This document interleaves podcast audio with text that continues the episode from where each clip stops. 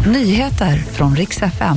En svensk man med koppling till Foxtrot-nätverket har gripits i Kairo och Kalmar kommun går nu också upp i stabsläge efter en ny rysk hackerattack. En svensk man med koppling till Foxtrot-nätverket har gripits i Kairo. UD har bekräftat att mannen är i 40-årsåldern och gripen av egyptisk polis.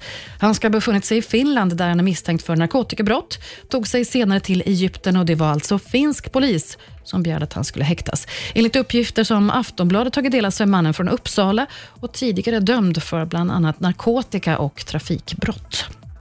Kalmar kommun har utsatts för en IT-attack och det här är en rysk hackergrupp. Hela kommunens nätverk ligger nere. Kommunen går därför upp i stabsläge.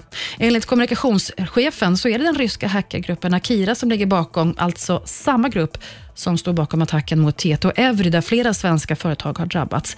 Kalmar tar nu höjd för att det här kan pågå i minst en vecka.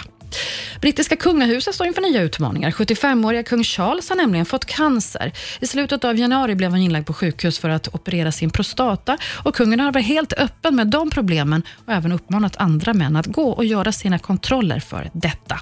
Men i samband med den här operationen så hittade man alltså en annan cancer. Ännu har hovet inte släppt fler detaljer om exakt vad det handlar om. Det var nyheterna och jag heter Maria Granström.